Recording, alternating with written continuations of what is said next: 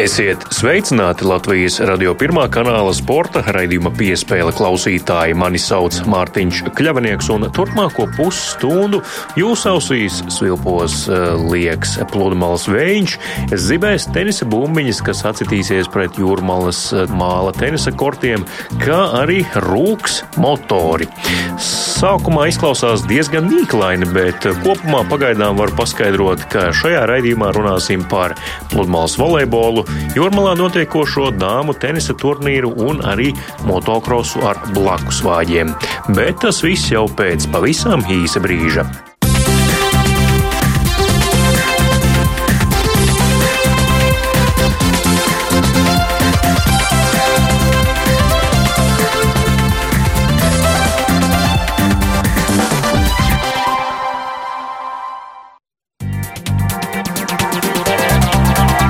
Sporta raidījuma piespēle ievadā runāsim par pludmales volejbolu, jo viens no Latvijas labākajiem smilšu volejbola duetiem Mārtiņš Pļaviņš Edgars Točs pagājušajā nedēļā Ešpiņu pilsētā Portugālē pasaules kausa tūres posmā izcīnīja bronzas godalgas, kas ir sen nebijis sasniegums Latvijas pludmales volejbolā.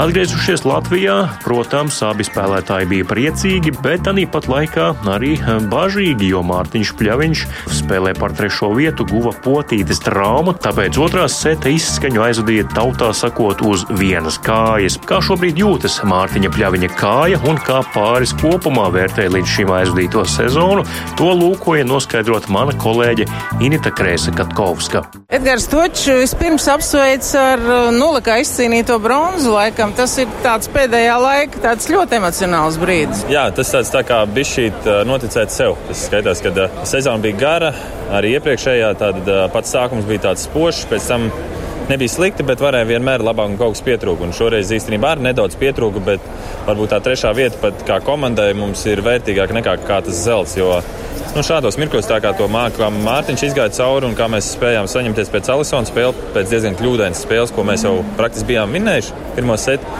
Un zaudējām un spējām saņemties trešo spēli pa trešo vietu. Kā, es domāju, ka jā, tā trešā vieta arī būs baigais, baigais pūrs mums uz turpmāko sezonu un arī uz olimpisko gadu. Kas ir tas, ko jūs pats esat nu, sajūtis, kā progresu sevi, saprašanās tandēmā ar Mārtiņu? Es sapratu, ka šī tas viss vieglāk jāņem, jo ja mēs spēlējam brīvi, atraisīt un viens otram palīdzam laukumā, tad līdz ar to arī spēle vedas no rokas un mēs vienalga, kas nāk pretī, mēs spēlējam ļoti labi. Tas tas galvenais, kas ir atzinums par šīm spēlēm, kad ja mēs spēlējam savu spēli, neviens pretinieks mums stiep, nu, nevar būt pa grūti. Kā jums šķiet, vai tagad pludmales volejbolistiem jābūt arī īpašiem taktiķiem, izvēloties turnīrus, kuros startēt, krājot punktus, mēģinot tikt uz piedzvaigžņu turnīriem? Liekas, ka tas arī ir pēdējā laikā ļoti aktuāli. Nu, jā, reitingu sistēma ir ļoti agresīva. Ja tu nespēlē vai spēlē vispār kārstu, var arī ātri pa, palikt kvalifikācijā. Tā kā cilvēki, kas sēž uz vietas, nespēlē turnīrus, kā turnīrus, viņi pēc tam parādās, ka piedzvaigžņu turnīros, pamatturnīrā, un tu it kā ar netik sliktiem rezultātiem šajā gadā esi kvalifikācijā, ko mēs izdarījām arī šādai. Sanāk tā, ka jā, ir jāskaita līdzi, jāseko, bet pludmales sporta veids jau nav futbols. Tur spēlē tikai divi. Tā sistēma ir pavisam vienkārša. Vienīgā, kas tiešām sarežģītā lieta, ir tā punktu turnīrs, tāda punktu turnīru skaitīšana. Tā laikam ir arī atbild uz to, ka jūs vēl īsti neesat pārliecināti, vai startēsiet uh, savās mājās augustā. Jā, jā jo. Uh, Respektīvi, kā jau zinām, lai tiktu turnīrā iekšā, skaita no sešiem, tātad pēdējos sešus labākos turnīrus. Tātad, un, ja mēs nospēlējam pēdējā dzēšās nost, tad gada reitings, protams, no mums tā nekas nemainīsies. Tas arī olimpiskajā reitingā nekas nemainīsies, bet tas varētu ietekmēt mūsu izredzes, varbūt tik kādā turnīrā iekšā klāt. It kā mēs nospēlējam šo turnīru diezgan labi, un mums vēl priekšā ir vīne, kur es domāju, ka mēs startēsim, ja Mārtiņam būs viss kārtībā kāju. Un, ja tur mēs nostartējam labi, tad uh, es domāju, ka ir nekāds šķērslis, jo piedalīties jūrmalā nebūs. Tad, tad, tad. Labi, lai veiksmi turpmāk arī. Paldies! Mārtiņš Pļaviņš, droši vien jautājums vispirms par veselību. Jā, nu paldies, bet nu, es jūtos labi. Jūtos labi, skatos tā, ar optimismu, daru visu, lai atgrieztos pēc iespējas ātrāk. Un, teiksim, tā, mana ikdiena tā ir pakārtota rehabilitācijai. Un, un, un, un visi apkārtēji to saprot. Un, un, un tur pamanīšu, lai es pēc iespējas ātrāk būtu atpakaļ. Mēs jau runājam par to, ka jābūt īpašam taktiķim, lai rēķinātu, uz kuriem turnīriem braukt, uz kuriem nebraukt, lai vēlreiz aizkļūtu līdz Olimpiskajām spēlēm. Droši vien, ka ambīcijas ir, nu, kāpēc, lai nemēģinātu tikt pie sudraba. Jā, jā nu, protams, vienmēr mērķiem jābūt tiem augstākiem, bet uh, uz doto brīdi neesam vēl tikuši līdz rēķināšanai, jo jāsavāc sākumā tie 12 posmi un mums pagaidām ir tikai desmit. Tas ir pirmais nosacījums, lai tiktu uz Olimpijādu, dalību 12 posmos. Un tad var sākt rēķināt ar kādiem turnīriem, ko mēs varam uzlabot. Bet uh, uz doto brīdi Vīna, Eiropas čempionāts Maskavā, tur Jūrmālā, Itālija un tad sākam domāt. Jautājums par uh, Jūrmālu spēlēšanu savās mājās, tas ir arī droši vien uh, ne tikai vai mēs gribam vai negribam, bet arī nu, ņemot vērā visus uh, ekonomiskos apstākļus un iespēju varbūt braukt uz piedzvaigžņu turnīri arī. Jūrmāla, tas tā, tā mūsu vērtējumā tas tāds bišķiņ ārpus konkurences, jo turnīrs ir mājās savu fanu priekšā un uh, mēs gribam tur spēlēt. Ir vairāki faktori, kas arī būtu pret, līdz ar to mēs, mēs gribam. Un noteikti pēc vīnas jau mēs simtprocentīgi zināsim, kāda ir mūsu situācija, kāda ir pretinieka situācija. Un, un, un uh, pie mazākās iespējas mēs esam jūrmalā un spēlējam savu fanu priekšā. Kas pludmales volejbolā ir mainījies? Brazīļi tā kā varbūt ietur pauzi, vai viņiem ir tik liela konkurence, ka viņi tagad nerāda? Konkurence viennozīmīgi ir ļoti liela konkurence, jo pludmales volejbols vidējais augums ir palicis garāks. Latvieši ir viena no īsākajām komandām vispār, jo mēs neizceļamies ar gariem bloķētājiem. Un tātad tas volejbols ir palicis spēlētāji garāki, spēle fiziskāka. Tad mēs esam tie latvieši, kas varbūt, varbūt ar kaut kādu tehniku un taktiku mēģināt apspēlēt citus, bet tas nevienmēr izdodas, jo, jo katrai komandai ir savs taktiks un, un, un tehniski viņi arī ir ļoti labi. Līdz ar to konkurence ir lielāka un rezultāti parādīt ir ar katru gadu grūtāk un grūtāk. Kas ir tie laimīgākie mirkļi jūsu ģimenē? Jā, nu viennozīmīgi brīži mājās, jo esam daudz, ļoti daudz projām. Tad, uh, tās dienas, kad treneris iedod brīvs, tās ir, tās ir tās dienas, ko visvairāk novērtējam. Un, ja vēl ārā nelīs lietas, kad var to laiku pavadīt ārpusē, bērni skrien, brauc ar riteņiem, kaut ko tādu aktīvu atpūtu, tas var tas super. Labi, veiksim turpmāk un lai kāja pēc iespējas ātrāk sadzīst. Ja? Paldies! Paldies Mārtiņ. Tas ir ļoti pašsaprotami, kad Latvijas sauc, tad tur nav variantu. Tu vienmēr saki, ka jā. Cenšos katru spēli palikt labāks, katru spēli augt. Tad, kad jau ir uh, sezonas beigas un, un starpsezona, tad tu vari palikt vēl labāks spēlētājs. Jūs klausāties Latvijas radio pirmā kanāla sporta raidījuma piespēle un turpinājumā runāsim par tenisu, jo visu aizvadīto nedēļu jūrmalā norisinājās augstākās raudzes sieviešu tenisa asociācijas turnīrs Baltic Open. Baltijas atklātais čempionāts tā šo turnīru sauc šogad, bet iepriekšējos gadus tas norisinājās Maskavā un tam bija pavisam cits nosaukums.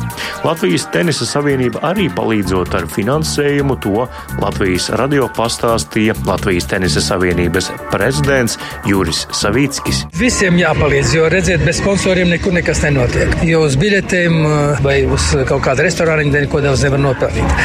Tā tad eh, bez sponsoriem nekas nenotiek. Un Latvijas Tenisa Savienība, starp citu arī mm, eh, mūsu Latvijas mm, sporta ministrija, kas ir sporta departaments izglītības ministrija, arī palīdzēja, jo viņa pārvaldībā tas centrs, tas centrs piedara valstī. Ja? Tas nozīmē, ka gan valsts, gan mēs kā tenisa Tenisa savienība ļoti daudz palīdzēja, un šis tas eh, viss tie organizatoriski notika gan ar cilvēkiem, gan ar finansēm. Jāsaka, atklāt, nu, ar imidžu un, kā es vienmēr teicu, ar administratīvo resursu. Jo, redziet, administratīvais resurs vienmēr ir svarīgs, kad uzreiz var piezvanīt un izrunāt lietas un pieņemt lēmumu. Tā kā visiem paldies un paldies valstī vispār galu galā par tādu infrastruktūru, tenisa infrastruktūru, kas tika radīta Latvijā. Šeit uh, spēlēs gan Anastasija, gan arī Aļona. Mm, uh, runājot federācijas kausa kategorijās, jūs esat ar viņām abām runājis. Kāds melns kaķis starp viņām abām ir pārskrējis pāri vai vispār ir tāds melns kaķis? Nu, man vispār jāpasaka abām meitenēm nu, ļoti liels paldies par fetkapis cīņām. Nu, jūs zināt, ka starp meitenēm eh, vienmēr ir kaut kā starp sievietēm mazliet viņās vienmēr cits attiecības nekā starp čaļiem. Ja? Nu, Balnēs skaits gan pārskrēja, gan nepārskrēja, tur tā grūti spriest, bet es domāju, ka eh, viņas ļoti talantīgas, gudras un, un viss būs labi. Bet jūs jūtat, ka viņas ir gatavas? Gatavs atkal apvienoties zem izlases. Nu, katrā karoga. ziņā Latvijas tenisa savienība un es personīgi darīšu visu, lai tas notiktu. Kāda ir situācija ar spēlētāju dalību federāciju kausā un uh, finansiālo atalgojumu par to, ko viņi saņem? Vienmēr notiek tāda vien, vienošanās, bet pamatā ir noteikti tā, ka nu, meitenes nāk pretī. Jo tādas lielas naudas, kā viņas varbūt nopelna tajā laikā, kad būtu jāspēlē Fedkapā, citur, ja spēlēt no, no, nopelnījuši būtu lielāks naudas. Tā kā var pateikt tā, ka viņas finansiālā ziņā piekrīt spēlēt par mazākām naudām nekā tas būtu, teiksim, kaut kur citur. Tā kā par to viņām arī liels paldies. Turnīrs Latvijā, protams, nebūtu tik aizraujošs vietējai publikai, ja Latvijas pārstāves nespēlētu labi.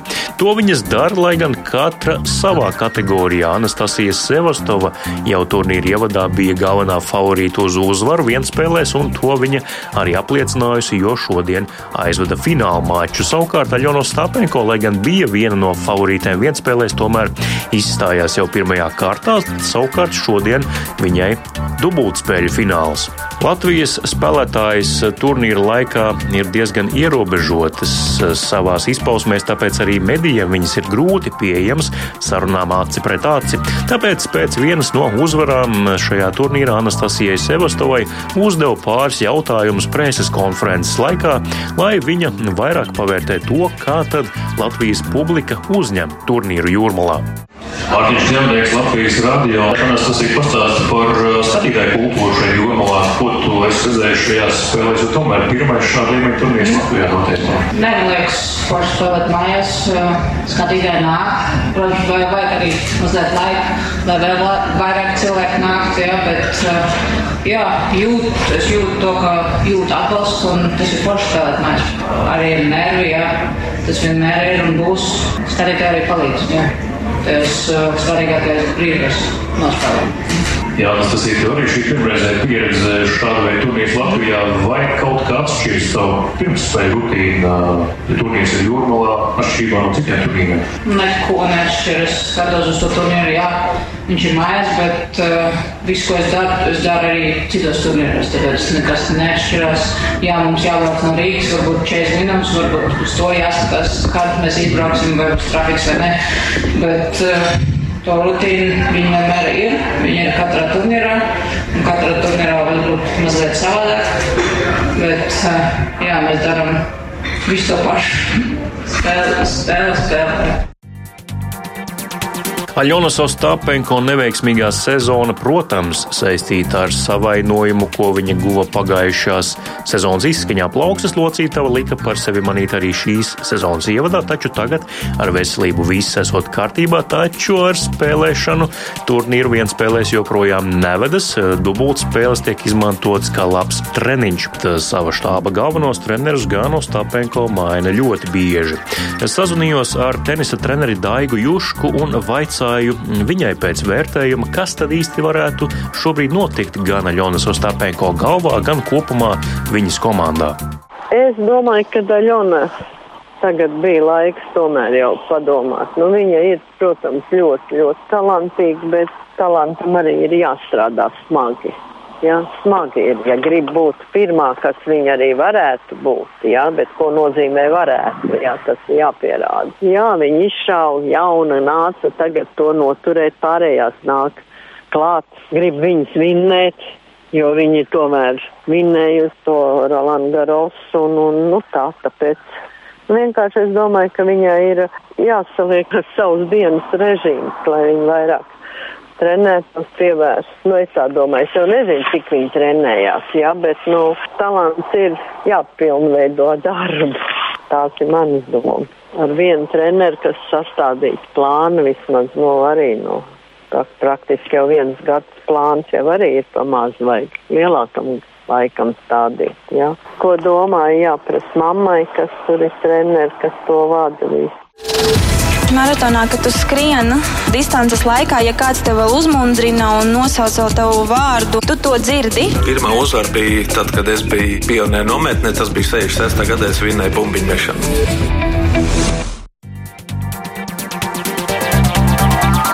Jūs klausāties sporta raidījumu piespēle studijā Mārtiņš Kļavinieks. Šajā nedēļas nogalē pasaules čempionāts blakusvāģu motokrosā viesojas Latvijā un kā čempionāta kopvērtējuma līderis savās mājās ieradies Kaspars Stupelis, kurš startē kopā ar Nīderlandes pilotu Etienu Baksu.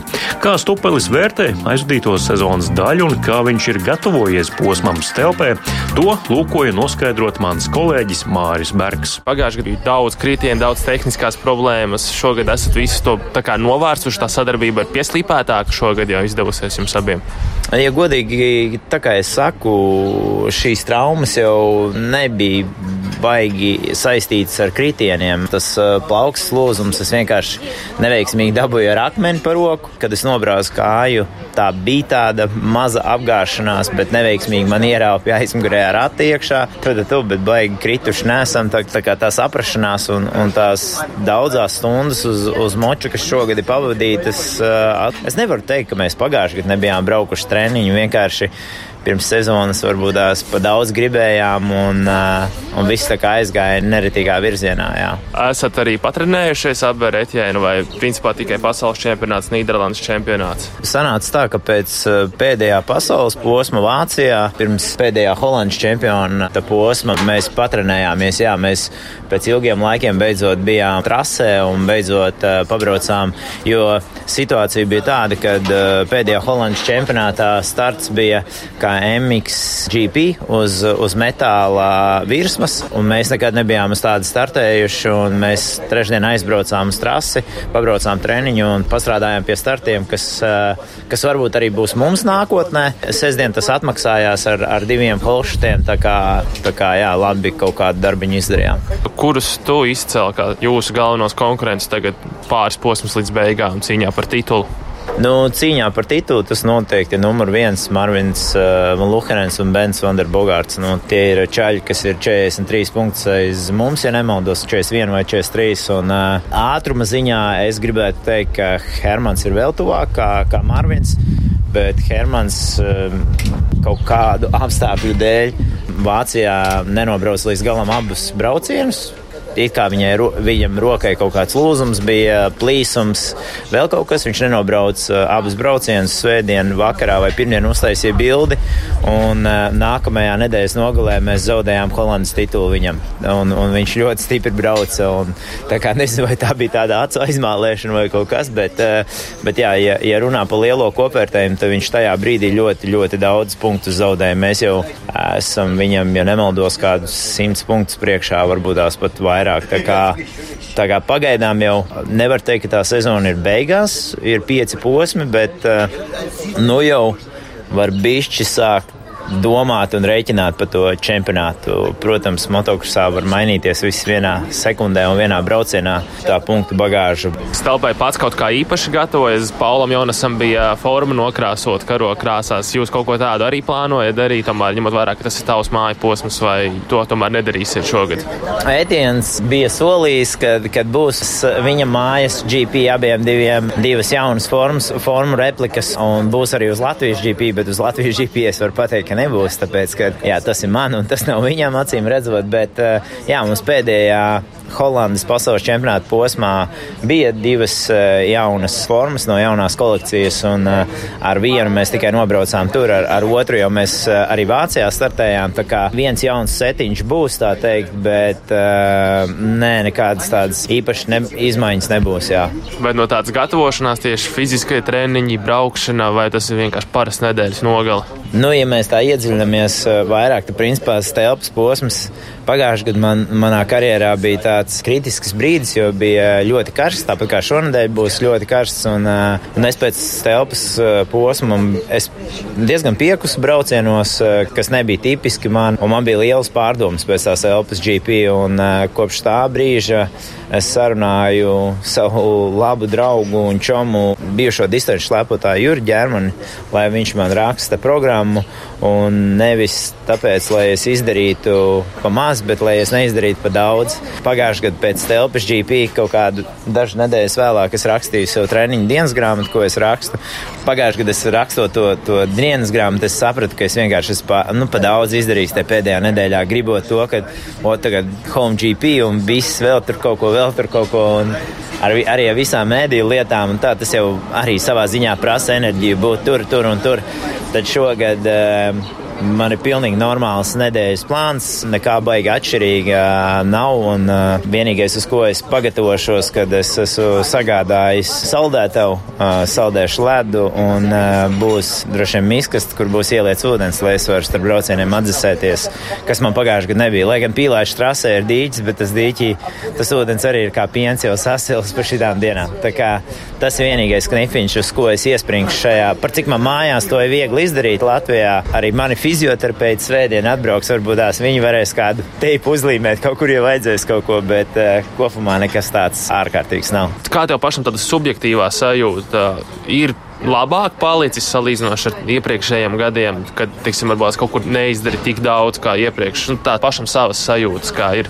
Viennozīmīgi, viennozīmīgi labāk. Viņš jau man jūras, eh, viņš man visu manu karjeru ir blakus man stāvējis eh, vairāk vai mazāk no 2003. gada. Mēs braucam slēpot ziemā kopā un šādi satiekamies un konsultējamies. Un viņš jau man visu laiku ausī runājis to, ka nomierinies, tev tik liela tā bāze ir, tu vari darīt mazāk, ne, neķer stresu. Un, bet man jau kā vienmēr liekas, ka es kaut ko atstāšu uz galda vai kaut ko neizdarīšu tā kā vajag. Tā kā es vienmēr cenšos un droši vien, ka pārcenšos.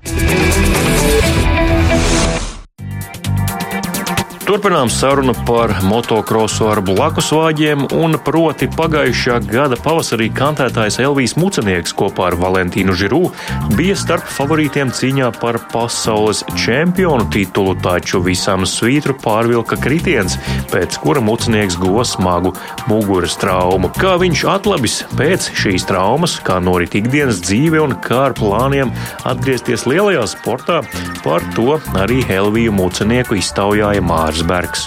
Pastāst, nu kāds tev tagad ir tas ikdienas ritms dzīvē? Ikdienas ritms ir diezgan vienkāršs. Eju no rītiem uz darbu, visu dienu pavadu tur un vakaros, ja paliek spēki, tad trenējos. Droši pateikšu to, ka netrenējos mazāk, trenējos varbūt vairāk, bet nav tie treniņi konkrēti vērsti tieši uz blakusvaidu sportu. Tas ir vairāk tieši priekš sevis, vairāk izbaudu to sportu un tā es varu droši atklāt arī to, ka es, es varu pateikt, ka sports ir veselīgs. Ja to dara pareizi un sevi, teiksim tā, nenomokoties sacensībās un vispārējo, ja. Bet noteikti trenējos, gatavojos pats priekš sevis un esmu jau izbraucis divreiz blakus vāģi un jūtos labi, iegodīgi. Bet um, ir vēl neliels tāds klikšķis galvā, kurš vēl nav, teiksim, tā at, atkritis klikšķējis, lai, lai varētu aizvadītais sacensības. Traumas sekas vairāk nekādīgi nejūt uz blakus vāģa, karoties ārā līkumos un darot visas tās lietas, kas ir jādara kantētājiem. Nē, patiesībā es biju pārsteigts izbraukt Dīdzgara Benko Latvijā vienu mazu treniņu. Mēs pirms kaut kādiem pusotru mēnešu mēs uzbraucām, un es biju pārsteigts, ka es nejūtu. Un tad es sev nedaudz nomierināju, lai es teiksim, nedaru visu to pārāk ātri un visu pārāk uh, emocionāli. Tad es pēc uh, pirms divām nedēļām vēlreiz izbraucu, bet uh, pamēģināju jau pa smilšu trasi izbraukt. Un patiesībā nav tā, ka es jūtu kaut kādu diskomfortu sajūtu vai kaut kādu problēmu mugurā, vai izliekoties ārā, vai karoties, vai vispārējo, vai tos sitienus un tos lodzi īstenībā nejūtu tikai tik, cik es jūtu tās, tās stundas, kas vispār nav pavadītas uz motociklu. Tās es vairāk jūtu tieši fiziskajā ziņā. Arī ikdienas dzīvē tas vairāk nekādīgi neietekmē tikai tik daudz, cik fizioterapeita apmeklējumi. Uh, jā, bet ir tā, ka, ja man, ja man ja stāvot taisni, gribu pieliekties uzreiz šņūru sev sašņorēt, tad nedaudz tā, tā kustība ir nedaudz mazāka. Bet pie tā, pie tā es strādāju, un, kā lai saka, cilvēks ir tāda radība, kurš pierod pie daudzām lietām. Liekas jau, ka es jūtu, protams, es jūtu, bet tā kā es jūtu agrāk, tā, tā nav. Varbūt tik lokans es neesmu tā kā agrāk ir jāpiedomā pie daudzām lietām. Varbūt es varbūt kaut kur neju un nelecu tā, kā es agrāk to esmu darījis, bet uh, varbūt tas ir vecums, varbūt tā ir trauma, varbūt viss kopā. Uz tā moča tomēr tik un tā kaut kas vēl kā atpakaļ, vai ne? Protams, vēl tā visa dzīve, dēļ iemesls, kādēļ es aizbraucu uz Beļģiju dzīvoties, un ir domas nākt, protams, atpakaļ uz Latviju, un, protams, ka velk. Velk, tas ne, nemeloši noteikti teikšu, ka velk. Sportā joprojām centies kaut kā sev iesaistīt, ne tikai trenējoties, bet runājot ar citiem kolēģiem, braucējiem, kantētājiem un tā tālāk. Jā, nu man ir kontakts, man ir ļoti daudz kontakts ar ļoti daudziem cilvēkiem, un ar kantētājiem, un, un arī ar solo braucējiem. Man ir pāris draugi, kuri brauc pasaules čempionātā ar solo, man, es tik un tā esmu reāli nedēļas nogalēs es tuvu sportam, tuvu tieši motokrosam. Un, ja sanāk iespējas, tad es esmu arī bloksoju sportā. Tā kā arī šoreiz atlidojos esmu pie fizioterapeita un kaut kāds mājas darbiņš aizdara. Un, protams, arī braukšu uz telpu skatīties, atbalstīt savus cilvēkus tuvākos. Un noteikti esmu tur un es domāju, arī būšu tuvu. Kāda ir situācija jūsu ekipāžai abiem ar Dīci Gorbenko, jo jums abiem traumu dēļ šī sezona būtībā ir norakstīta, bet par kaut kādu tālāku sadarbību varbūt tās esat domājuši nākamgad mēģināt? Tur ir jāskatās, ir, kā es jutīšos. Un, cik saprotu, Digim šodien bija operācija. Bija pāri viena problēma celī, kur varbūt es uzskatu, ka doktori varbūt nebija pamanījuši, kas bija jāizdara jau pirmajā reizē, kad bija tā trauma kas saistīts ar mani, ir, tas ir atkarīgs no kā mēs varam saprasties, kā mēs varam sarunāt to visu pasākumu. Un pirm, viss svarīgākais ir tas, man pašam jāsaprot, vai es gribu būt atpakaļ tur. Viens ir būt prieka pēc, bet prieka pēc es varu pabraukt arī pēc pieciem gadiem. Un otra lieta, ja es gribu braukt nopietni, tad es gribu braukt tiešām nopietni, un tas ir gatavoties 200% no tā visa. Un patreiz es neesmu gatavs uz, neteiksim, uz tiem 100%, lai es varētu būt. Varbūt fiziski varētu izdarīt to muguras ziņā, es arī varbūt varētu izdarīt, bet tieši tas eh, mentālais stāvoklis pagaidām nav kārtībā. Kāds no top braucējiem arī ir piedāvājis, vismaz mēģinājis ar tevi sazināties un interesēties par to, vai ir kāda iespēja tevi piesaistīt, teiksim, tā paņemt savā ekipāžā? Jā, bija, bija tas cilvēks, kas uzmetis, bija backflipu nesen, Jasons Van Dāl, tas man bija rakstījis, jautājis, ir Daniels Viljamsons zvanījis, prasījis, ir Deivijs Anders rakstījis, ir, ir interesi izrādījis, Nelija Ligauņa sportists ir izrādījis arī Justins Kobe no pasaules līmeņa. Ir, ir cilvēki, kas raksta un prasa un zvana un interesējās, vai nevar palīdzēt, vai negrib turpināt, vai mēģina, negrib nākt atpakaļ. Ir cilvēkiem ir interesi, tikai pagaidām uz visiem es pateicu, pagaidām nē. Runājot par pēdējā laika sliktāko negadījumu, par Valentīnu Žiro situāciju, esat bijuši vienā ekipāžā kopā braucāt Kā tu uztvēri šo tiešām skumjo vēsti par viņa traumu? Tā diena man bija ļoti emocionāla. Visā nedēļa man bija ļoti emocionāla, jo es biju speciāli, es arī aizbraucu uz to posmu, arī atbalstīt gan Kasparu, gan savus cilvēkus, gan arī Valentīnu, jo es no rīta jau biju trasējis, biju arī pie komandas piegājis un runājāmies. Un arī teikšu, tā 20 minūtes pirms tā kritiens arī bija pie viņa, un es stāvēju trases malā startā. Es tieši to momentu tieši neredzēju, tāpēc, ka es ne, īsti ne, neskatījos to, jo es gribēju tālāk doties trasē iekšā, un es biju 300 metrus no turienes. Tiklīdz es ieraudzīju to, ka aizbraukuši visi sportisti, un es tiešām acīm piešaut, un es nepamanīju Valentīnu tur, un vien tiešām tie sarkanie karogi parādījās, tad sapratu, ka kaut, kas ir bēdīgs. Un, un arī pēc, pēc brauciena man uzreiz bija kontakts ar ģimeni, un necentos baigi uzbāzties, bet es jau zināju to, ka ļoti bēdīgi. Jau septiņos vakarā, jau, kad es braucu mājās, jau, jau brālis bija blakus Valentīnam.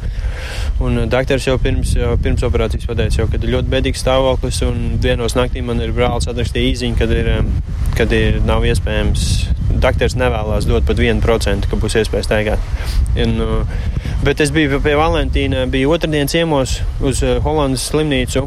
Es viņu pārsteidzu, biju arī sestdien pie viņas ciemos aizbraucis ap, paskatīties, kā puika jūtās. Pateikšu godīgi, viņš jūtās ļoti slikti, bet viņš ir ļoti pozitīvi noskaņots. Viņam galvā ir viss kārtībā, un viņš nepadodas. Un, un arī man bija pēdējās dienas ar viņu kontakts, un tik cik viņš ir piekusis nedaudz no visa, visa kas ir noticis. Un, viņš cenšas, viņš strādā, viņš ir aizvests jau uz slimnīcu, bet no slimnīcas viņš pārvāc rehabilitācijas centru Francijā puika tiešām strādā un jau parādījis jau labi, jau tā neliela progresiņa, jau ribas jau paliek labākas un tā muguras tā diskomforts, jau ko viņš jūt agrāk, sākumā pašā, ka, bija, ka viņš nevar pagriezties neko pats, nevar piecelties sēdus, neko. Tāpēc viņš, bet viņš ir pozitīvi, viņš strādā katru dienu, strādā tā, lai viņš varētu, teiksim, tā sevi noturēt ratiņkrēslā. Bet, nu, doktori nedod viņam cerības. Par visu sezonu kopumā ļoti sīvs čempionāts posmos var uzvarēt vismaz 4-5 ekipāžas. Ko tu esi redzējis šo sezonu? sezonu līdzšinējās sacensībās? Patiesībā es vairāk biju, biju gaidījis no pāris citiem sportistiem labākus rezultātus. Tas pats Daniels sāk taisīt cirkus, um, Julians Feldmans, uh, Valentīns, kurš pirms kritiena patiesībā bija ātri, bet viņi neuzbruka konkrēti uz to uzvaras pusi. Kas, kas man nebija pārsteigums, Kuna Hermans, tas ir ātrs braucējs. Viņš arī pagājušajā gadā to parādīja. Šogad viņš ir braucis stabili. Ir problēmas ar tehniku, kuras viņas mazas tādas lietiņas, kuriem viņiem neļauj uzvarēt varbūt. Kaspars ir cīnīts, tas, nav noliedzami.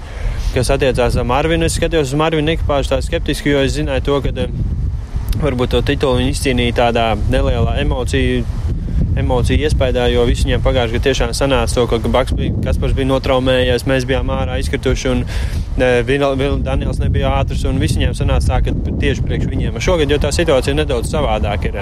Un, Valent, un tieši Marvins arī tā kā es pirms sezonas jau saviem tuviem cilvēkiem pateicu, viņš brauc ar riska robežu un arī šogad ļoti daudz ir krīcudētā.